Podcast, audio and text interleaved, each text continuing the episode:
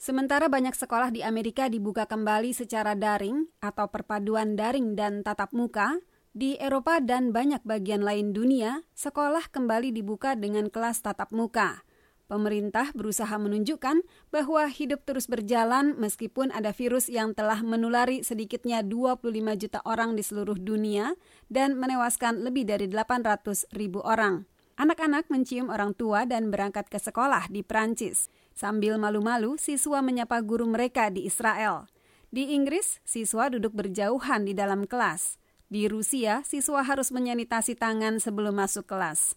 Ruang kelas tampak sangat berbeda dari biasanya dengan pelindung plastik di sekitar meja dan tanda peringatan tentang adanya virus ditempel di mana-mana di sekolah. Di Italia, Elisa Sinimanco melepas anaknya Benedetta ke sekolah. Non vedevo l'ora, dopo sei mesi in cui ci hanno tenuto lontano dai nostri bambini che ada rasa takut, tetapi kita harus bertanggung jawab menerapkan langkah kebersihan untuk mencegah dan menghindari penularan.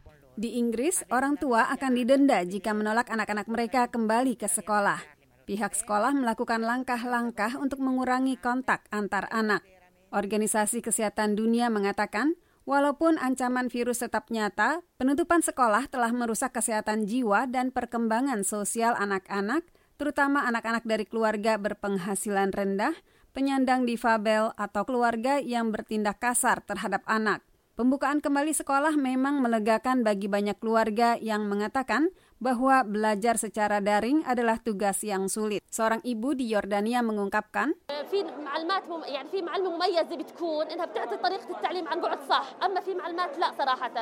Sebagian guru pandai dalam pembelajaran daring, tetapi sebagian lainnya tidak. Beban ada pada orang tua. Orang tua umumnya mempersiapkan anak-anak mereka untuk lingkungan sekolah yang baru.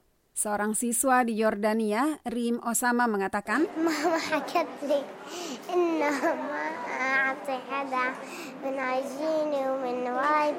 Ibu menyuruh saya agar tidak memberikan tisu atau minuman atau air kepada siapa pun dan tidak dekat dengan siapa pun, supaya tidak tertular virus corona. Sekolah tetap ditutup di sebagian besar Afrika dan beberapa negara Asia.